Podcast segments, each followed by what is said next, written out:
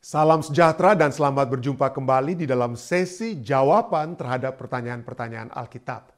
Kita masih akan membahas satu pertanyaan tentang hari Sabat, hari perhentian, dan hari perbaktian yang jatuh di hari yang ketujuh di setiap minggunya.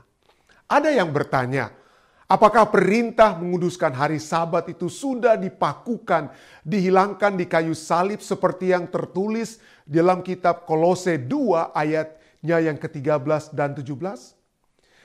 Di dalam ayat-ayat ini di sana tertulis, ia mengampuni segala pelanggaran kita dengan menghapuskan surat hutang yang oleh ketentuan-ketentuan hukum mendakwa dan mengancam kita. Dan itu ditiadakannya dengan memakukannya pada kayu salib.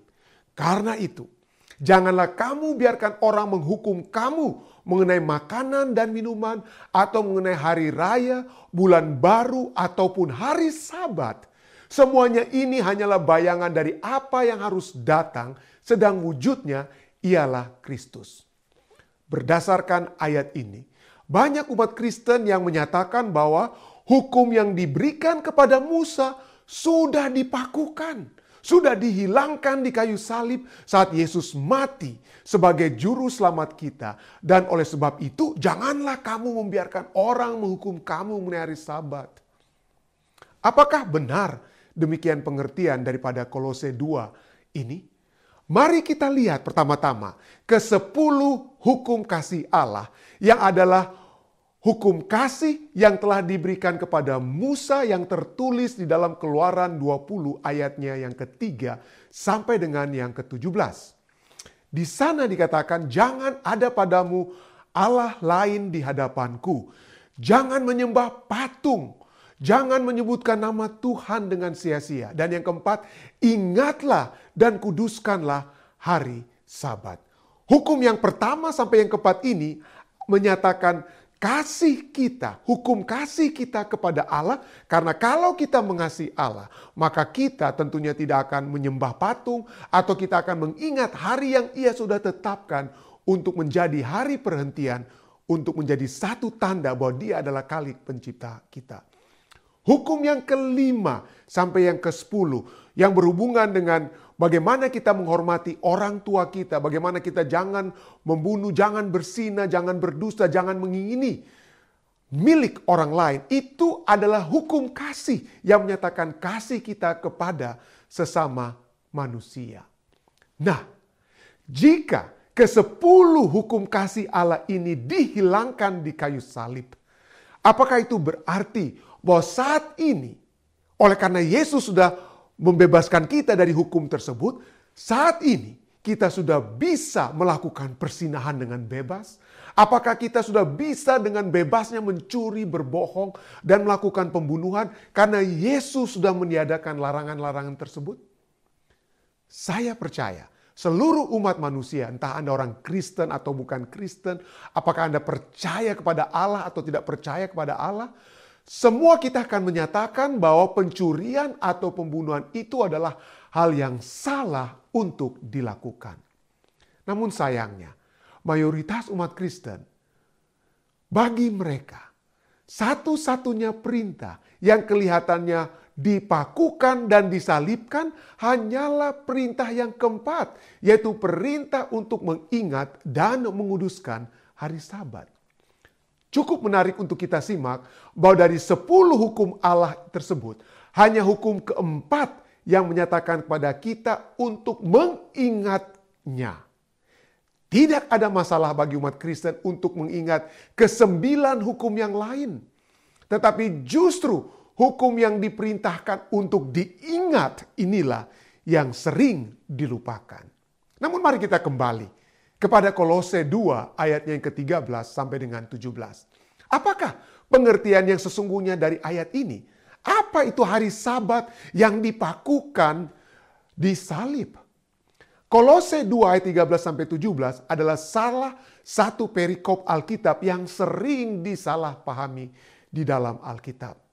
Namun untuk memahami ajaran Alkitab dengan sesungguhnya, salah satu prinsip penafsiran Alkitab yang benar adalah kita tidak membiarkan ayat-ayat yang kurang jelas ini menghentikan kita untuk melakukan apa yang Alkitab dengan sangat jelas katakan untuk kita lakukan. Pengajaran Alkitab tentang hari Sabat sudah sangat jelas. Sabat diberikan bukan kepada orang Yahudi, tetapi kepada seluruh umat manusia sejak minggu penciptaan. Kejadian 2 ayat 1 sampai dengan yang ketiga. Yesus menguduskan dan berbakti pada hari Sabat. Lukas 4 ayat 16. Rasul Paulus menguduskan dan berbakti pada hari Sabat. Kisah 13 ayat 42 sampai dengan 44. Dan kitab Yesaya 66 ayat 22 sampai 23 bahkan menyatakan bahwa hari Sabat akan tetap dirayakan di dalam kerajaan surga. Kalau demikian, Sabat apa yang dipakukan di dalam Kolose 2 ayat 16 sampai 17? Kalau kita mempelajari Alkitab dengan teliti, kita akan dapati Alkitab akan memberikan kepada kita dua jenis sabat. Sabat yang pertama adalah sabat hari ketujuh, hari Sabtu, sabat mingguan. Dan sabat yang kedua adalah hari sabat tahunan atau sabat-sabat perayaan. Apa bedanya? Sabat hari ketujuh atau sabat mingguan itu melambangkan penciptaan alam semesta dan merupakan bagian dari sepuluh hukum moral Allah. Di lain pihak, sabat tahunan atau sabat upacara itu berhubungan hanya khusus, bukan dengan seluruh umat manusia, tetapi hanya berhubungan dengan orang-orang Israel dan sejarah mereka. Sabat tahunan adalah bagian dari hukum-hukum upacara Israel dan bukan merupakan bagian dari hukum moral Allah. Kolose 2 ayat 16 dan 17 secara khusus menyatakan, Janganlah kamu membiarkan orang menghukum kamu mengenai hari sabat yang hanyalah bayangan dari apa yang harus datang. Sedang wujudnya ialah Kristus. Sebelum Kristus, apakah bayangan yang menunjukkan kepada juru selamat? Apa itu bayangan? Apa maksudnya? Mari kita lihat ayat-ayat Alkitab yang dapat memberikan penjelasan kepada kita sehubungan dengan bayangan yang wujud utamanya adalah Kristus. Mari kita baca Ibrani 10 ayat 1. Di dalam hukum Taurat hanya terdapat bayangan saja dari keselamatan yang akan datang dan bukan hakikat dari keselamatan itu sendiri. Karena itu, dengan korban yang sama yang setiap tahun terus-menerus dipersembahkan, Hukum Taurat tidak mungkin menyempurnakan mereka yang datang mengambil bagian di dalamnya. Ayat ini berbicara bahwa di zaman Israel, di zaman Perjanjian Lama, ada hukum-hukum upacara yang mengatur bagaimana orang-orang berdosa membawa korban-korban persembahan agar dosa-dosa mereka dapat diampuni. Di mana korban-korban itu adalah simbol keselamatan yang membayangkan anak domba Allah yang sesungguhnya yang akan nantinya datang menghapus dosa umat manusia. Mari kita lihat juga ayat lainnya dalam kitab Yeskiel 45 ayat 17 yang juga dapat memberikan gambaran tentang Kolose 2 16 dan 17 karena Yeskiel 45 ayat 17 ini bahkan menggunakan ungkapan yang sama dengan urutan yang sama seperti Kolose 2 ayat 16 dan 17. Yeskiel 45 ayat 17 berkata, Dan rajalah yang bertanggung jawab mengenai korban-korban bakaran, korban sajian, korban curahan pada hari-hari raya, bulan-bulan baru, dan hari-hari sabat, dan pada setiap perayaan kaum Israel.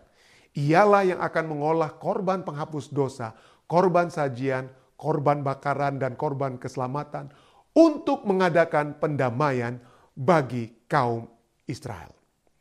Di sini kita bisa melihat bagaimana di zaman sebelum Yesus datang, umat-umat Israel memiliki perayaan-perayaan Sabat yang dihubungkan dengan sistem perayaan dan pengorbanan, yaitu adanya persembahan-persembahan hewan korban, bahkan juga persembahan minuman, perayaan bulan baru dan sahabat-sahabat perayaan lainnya, agar supaya pada saat-saat itu dosa-dosa orang Israel dapat diampuni.